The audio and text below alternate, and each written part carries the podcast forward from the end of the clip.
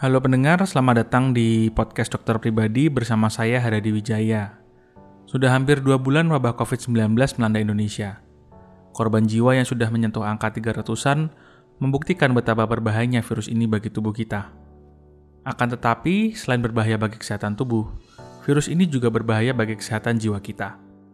Bersama Dr. Elvin Gunawan, spesialis kedokteran jiwa dari Rumah Sakit Melinda II Bandung, kami berbincang mengenai pengaruh wabah COVID-19 pada kesehatan jiwa masyarakat, serta dampak yang mungkin kita hadapi ketika kita harus mengurangi aktivitas sosial.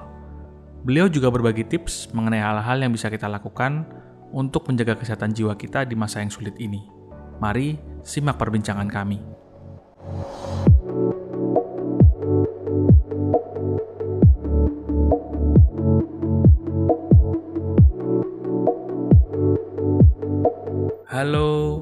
Selamat siang Dokter Elvin. Siang di. Bagaimana kabarnya ini di hari libur? Baik. Baik. Thank you banget buat waktunya ya. Ya, kita yang juga berterima kasih sama-sama dok untuk membagi waktunya ini untuk kita di sela-sela istirahatnya libur. Kebetulan kita ini rekaman di hari libur Jumat Agung ya ini ya. Hmm. Nah, cuma memang sayangnya hari libur kita ini yang apa ya masih dalam suasana yang kalau boleh saya ngomong tidak terlalu positif ya atmosfernya ya dok karena kan kita masih ada dalam uh, pandemi COVID-19 nih dok. Iya sih semua orang kayaknya mulai stres kali ya. Nah itu mulai kayak mungkin sebenarnya banyak yang kalau kita lihat kan sebenarnya yang positif terus kemudian yang dites juga angkanya nggak nggak sampai yang banyak banget gitu nggak tapi betul suasana stresnya terus apa ya atmosfer yang di, kurang positifnya ini kayaknya kerasa sampai mana-mana nih dok. Uh, mungkin karena semua mendapatkan stresor yang sama ya. Jadi uh ketika kalau dalam kehidupan sehari-hari berjalan normal, stres itu kan lebih ke pribadinya masing-masing. Setiap stresnya berbeda. Yeah. Nah, pada saat COVID ini kan stresnya sama buat setiap orang. Yang kedua, represinya uh, usaha yang dilakukan seperti karantina, udah gitu berita-berita yang cukup menakutkan di berita, belum di sosmed, itu kan membuat kita menjadi lebih terpapar terhadap hal yang negatif. Itulah yang menyebabkan mungkin tingkat stresnya menjadi lebih ber, uh, lebih tinggi dibandingkan stres-stres kehidupan biasa. Iya, iya, iya. Istilahnya hari-hari ini kita ketika melihat informasi mau itu dari berita di media massa, di sosial media atau bahkan sharing dari teman-teman itu karena beritanya seputar penyakit ini jadi kesannya negatif banget gitu dok ya? Betul, apalagi uh, kalau yang meninggal orang yang kita kenal gitu kan, isunya kadang suka melebar ke mana-mana ya, mm-hmm. yang bikin kita akhirnya menjadi tambah khawatir juga. Mm-hmm. Betul, betul, betul. Nah, kalau kita boleh tahu nih dok, karena nah kita nih sampai di titik istilahnya dari tim dokter pribadi sendiri juga merasa ini udah apa ya menyerangnya udah bukan fisik kalau kita ngomong tapi istilahnya ini sudah mulai ada tanda-tanda atau kita mulai ngomong fenomena yang sebenarnya orang merasa tuh mentalnya juga tertekan istilahnya gitu. Istilahnya ada ada tekanan yang berlebih. Nah sebenarnya ketika kondisi seperti ini dok kondisi sebuah outbreak sebuah pandemi yang luas yang bisa memberikan dampak yang luas kayak sekarang ini, sebenarnya apa sih yang terjadi sama kesehatan mental kita? Pada saat terjadinya suatu uh, pandemi seperti ini dengan tingkat stres yang cukup tinggi, uh, kemungkinan kemungkinan terjadinya gangguan adaptasi itu besar banget. Gangguan hmm. adaptasi itu suatu bentuk uh, gangguan kita untuk uh, beradaptasi dengan perubahan yang terjadi secara cepat di mana mungkin contohnya adalah orang yang biasanya uh, bekerja setiap hari, ada rutinitas, terus tiba-tiba semua harus di stop dan langsung dihadapkan dengan ketidakpastian karena kita tahu uh, setelah COVID ini juga kan banyak angka PHK, angka yang dirumahkan, terus yeah. uh, tunjangan-tunjangan juga banyak yang turun. Tentu ini membuat stres sehingga gangguan adaptasi ini adalah reaksi awal dari uh, manusia adanya ketidakpastian dalam hidup dia bisa muncul dalam dua. Ada yang dalam bentuk uh, dominansinya adalah cemas, atau yang kedua adalah uh, dalam bentuk gambarannya seperti depresi. apabila tidak diatasi dengan baik, masing-masing ini bisa berkembang menjadi gangguan cemas dan menjadi uh, gangguan episode depresi. Itu yang sebenarnya kita coba cegah sih, jangan sampai gangguan adaptasi ini berkembang menjadi penyakit terlebih lanjut. Hmm, ya ya ya ya. Nah kalau kalau mungkin boleh tanya nih dok, kalau uh, dokter ini kan masih tetap berpraktek kan? Hmm, nah, masih ada nggak pasien-pasien yang datang ini istilahnya yang uh, keluhannya ini hubungannya dengan kondisi yang ada sekarang karena COVID ini? Uh, kurang lebih ada sih, tapi yang paling sering itu yang pertama memang uh, dia seperti psikosomatis ya, jadi dia baca berita, oh gejalanya COVID adalah demam, nanti dia pegang-pegang kepala dia, kayaknya saya demam deh, udah gitu hmm. nanti dia ngerasa nyeri telan, terus ada yang merasa dia badannya jadi nggak enak terus panjang hari. Jadi gejalanya seperti gejala COVID. Tapi pada hmm. saat dicek ternyata temperaturnya normal aja. Udah gitu juga pas di ronsen parunya bersih.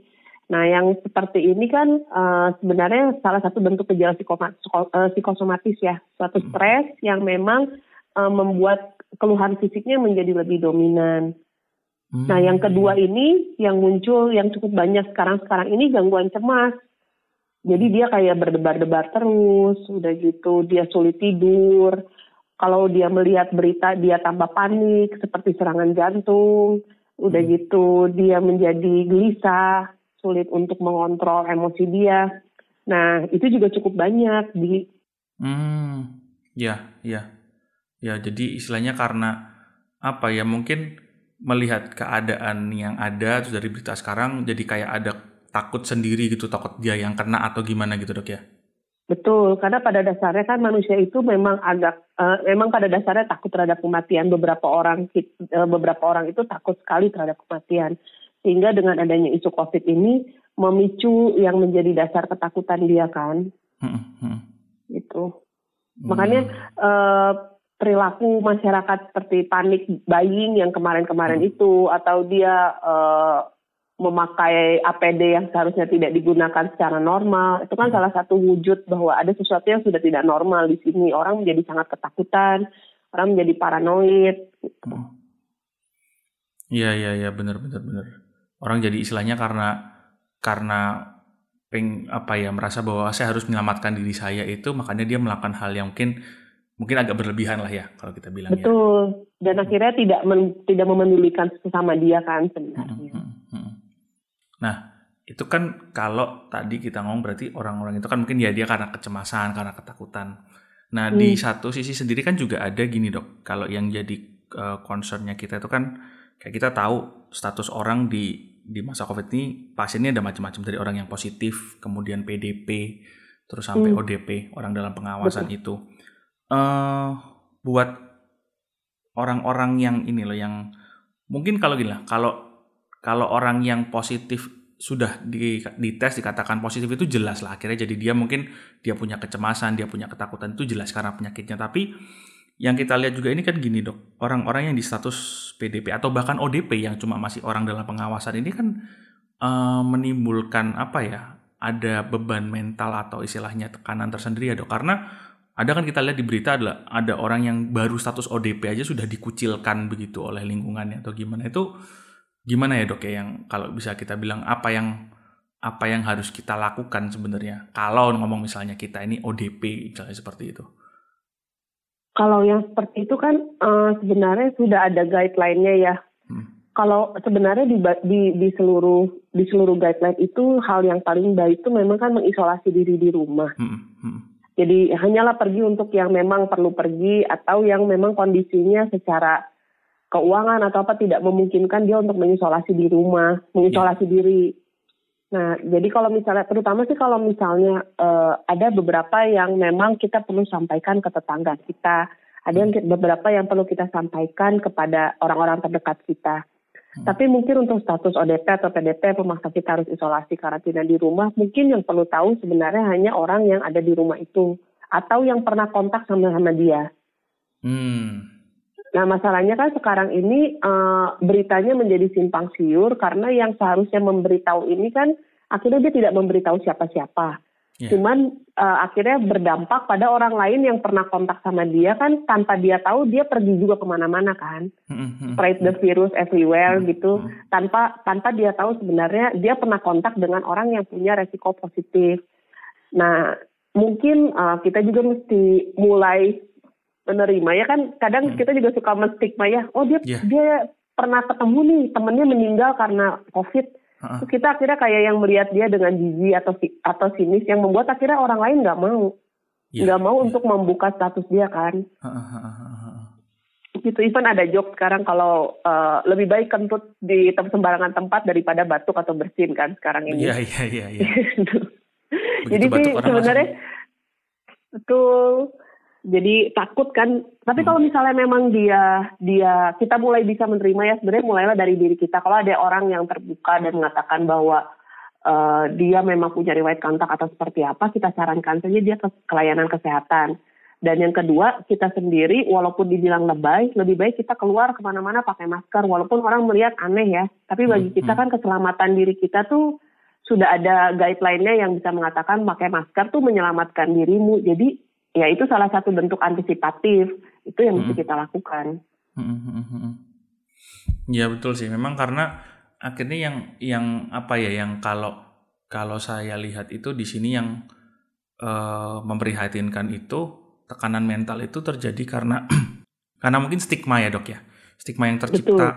karena oh uh, ini orang ya tadi saya contoh oh ini orang ternyata keluarganya ada yang PDP atau temannya. Dia pernah ketemu orang yang ber, berkontak dengan orang yang ternyata memang positif seperti itu kan. Karena kayak um, kayak hari-hari ini kita melihat kasus lah. Ini yang menjadi keprihatinan kita sebenarnya di podcast dokter pribadi melihat ada ada istilahnya keluarga yang kehilangan anggota keluarganya karena COVID-19 itu.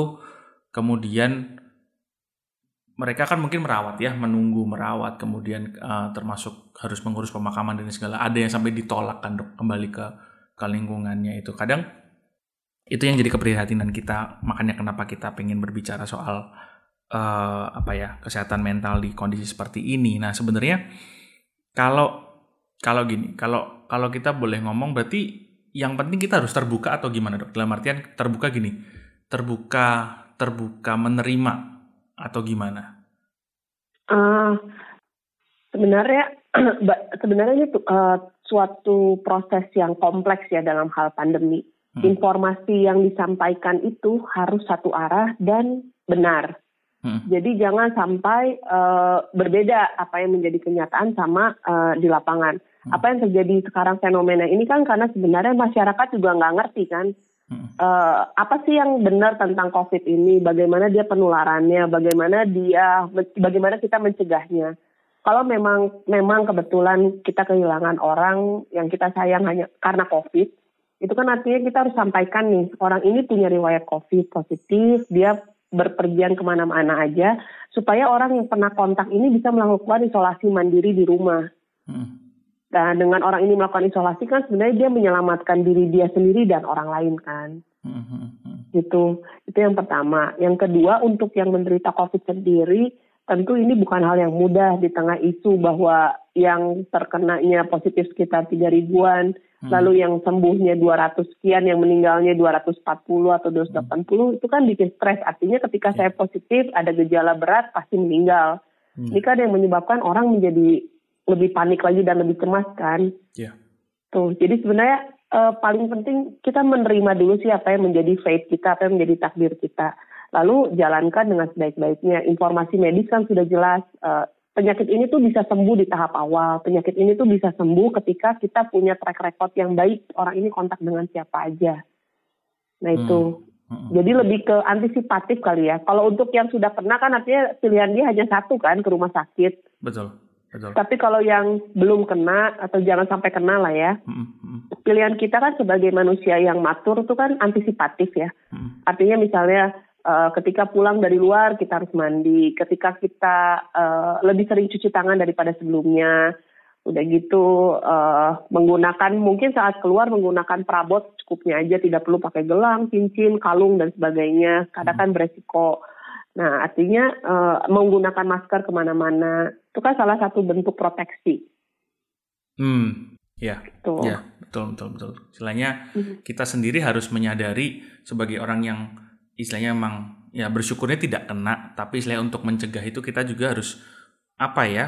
Kalau boleh saya bilang dari cerita dokter tadi membekali diri kita dengan informasi yang cukup berarti sebenarnya. Betul informasi yang cukup dari sumber yang terpercaya ya karena sekarang kan juga informasinya cukup banyak dengan hmm. informasi apalagi kalau kita WA grup gitu kan hmm. uh, sekarang gampang banget orang forward forward forward taunya beritanya hoax gitu kan yeah. itu kan yeah. udah bikin stres ketika baca kita berpikir ketika berpikir kita udah memberikan respon secara emosi dan kalau misalnya berita itu ternyata hoax kan tetap hmm. aja itu sudah terpikir dan masuk ke memori. Hmm. Nah, dan paling penting sih sebenarnya mengontrol stres ya, karena kan uh, ketika kita stres, daya tahan tubuh kita turun. Hmm. Nah, ketika daya tahan turun itu kan lebih mudah terserang infeksi apa pun sebenarnya. Hmm.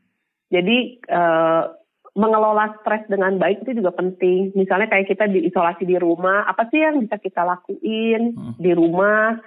Uh, mungkin mulai belajar mengeksplorasi diri yang nggak pernah masak jadi harus terpaksa masak kan. Yeah. Udah gitu yang rumahnya berantakan mungkin sekarang lebih banyak waktu untuk memberes-beres barang atau mengcluttering barang-barang yang tidak perlu yang bisa kita sumbangkan buat orang lain atau mungkin uh, melakukan interaksi dengan keluarga yang sebelumnya mungkin jarang dilakukan karena kesibukan bekerja. Jadi ya segala sesuatu tuh pasti ada sisi positif dan negatifnya. Iya iya iya. Hikmahnya jadi istilahnya uh, mungkin ada urusan-urusan dalam rumah yang selama ini kita tidak melihat karena kesibukan kita. Sekarang kita dipaksa untuk tinggal di rumah mungkin lebih banyak tinggal di rumah. Jadi oh iya ya ini harus diberesin atau saya bisa melakukan ini gitu ya dok ya?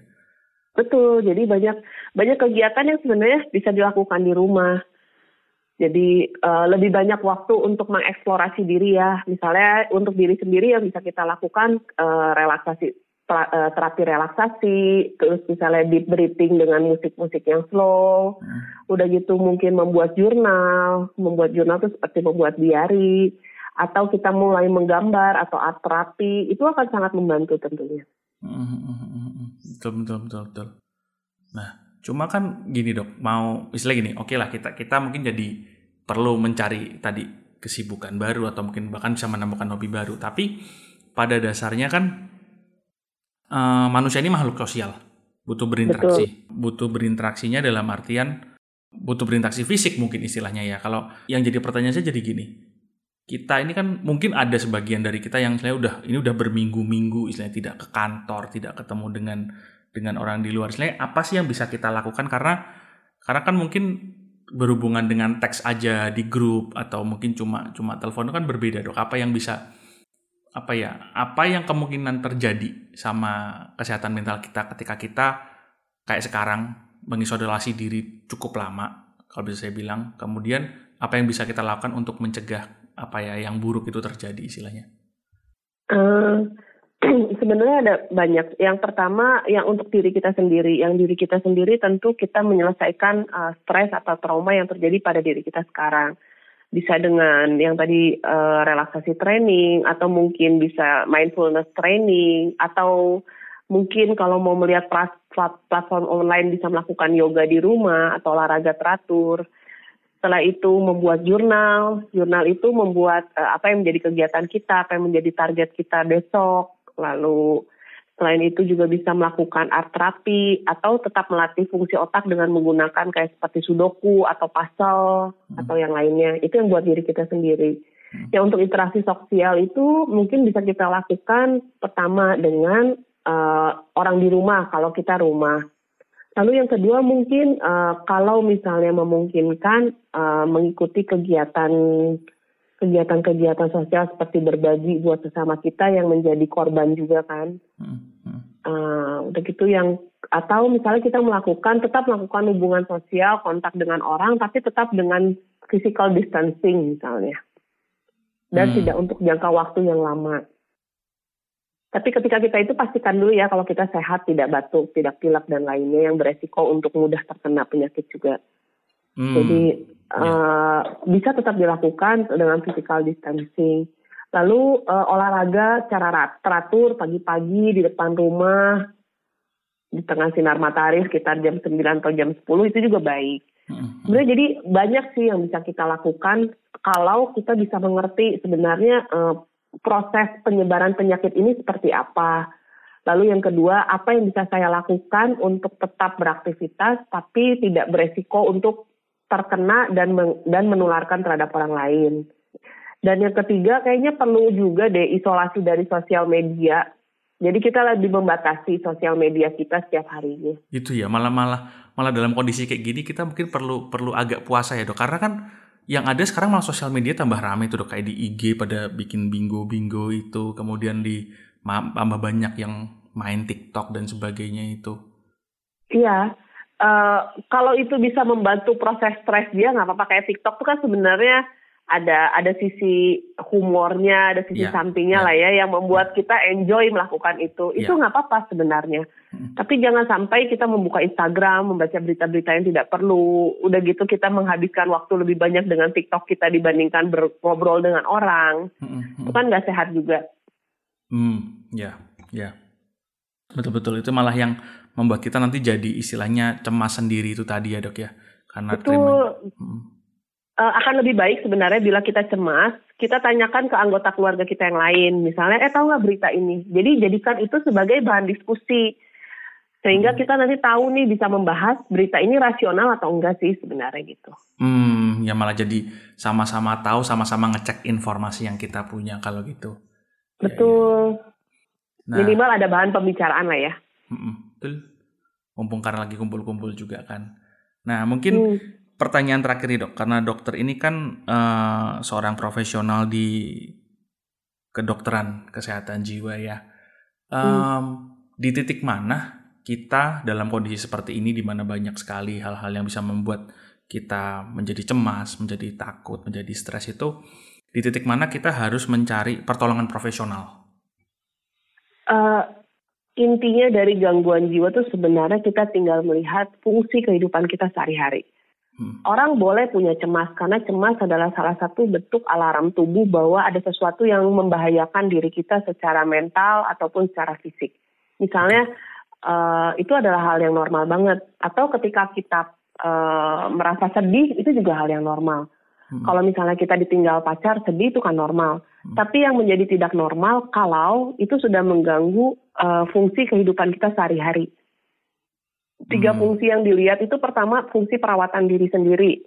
Hmm. Misalnya gara-gara COVID ini kita jadi nggak mau mandi, nggak mau makan, uh, terus menjadi uh, tidak mau merapikan tempat tinggal kita, jadi berantakan. Itu artinya sudah ada gangguan nih.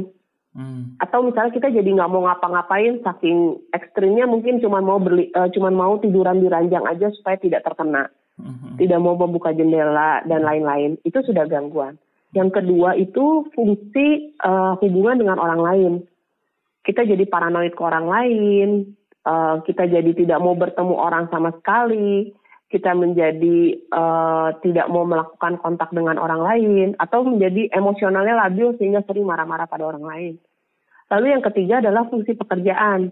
Misalnya dia sebelumnya ibu rumah tangga yang rajin, sekarang jadi tidak mau ngapa-ngapain hmm. cuman berdiam diri aja di kamar atau sebelumnya dia uh, ada tugas work from home dia tidak mau melakukan itu atau dia tidak mau lagi melakukan aktivitas sebagai pelajar misalnya ada kuliah online dia tidak mau lagi udah gitu atau misalnya dia uh, harusnya ada tugas apa dia tidak mau mengerjakan tugasnya. Itu sudah saatnya artinya. Atau yang terakhir adalah ada ide bunuh diri atau menyakiti diri. Misalnya cutting atau ada ide mau mengakhiri hidup itu sudah wajib untuk kunjung, uh, untuk mengunjungi profesional. Berarti kalau gitu tanda-tanda yang istilahnya berkaitan dengan apa ya fungsi kita sehari-hari lah ya istilahnya kalau kalau memang itu sudah terlihat ini berbeda sekali dengan kita normalnya seperti apa itu uh, bisa dibilang itu saatnya kita mencari bantuan profesional istilahnya mungkin ya. Betul, betul sekali. Uh, dan sekarang nggak perlu takut, kayaknya beberapa uh, beberapa rumah sakit sudah memberikan layanan tele telepsikiatri online deh. Contohnya di rumah sakit Melinda itu kalau memang pasien ketakutan sekali untuk datang bisa uh, dengan layanan online. gitu. Hmm. Jadi kita uh, mungkin dengan video call, terus kita lihat anamnesisnya.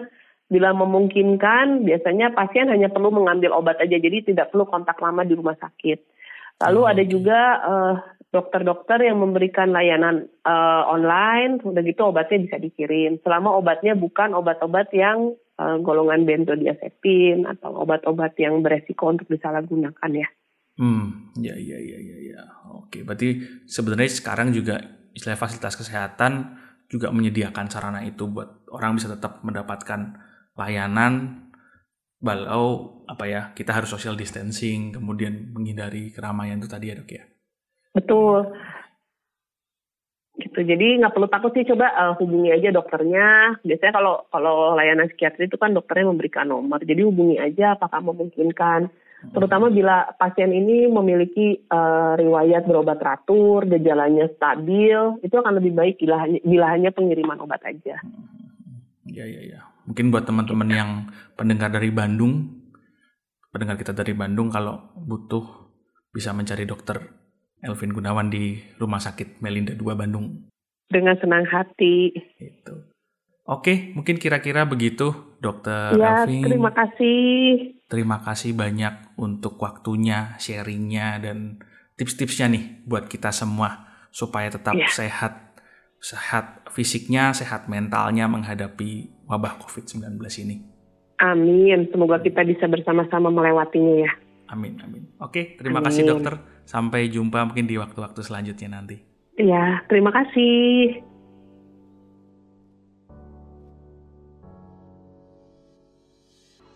Untuk Anda yang ingin bertanya lebih lanjut mengenai topik sesi kali ini atau mengobrol dengan tim dokter di podcast dokter pribadi atau bahkan ingin menyampaikan saran mengenai topik-topik yang ingin dibahas di sesi-sesi selanjutnya, sapa kami di Instagram karena sekarang podcast dokter pribadi punya akun Instagram di @dokter.pribadi.official.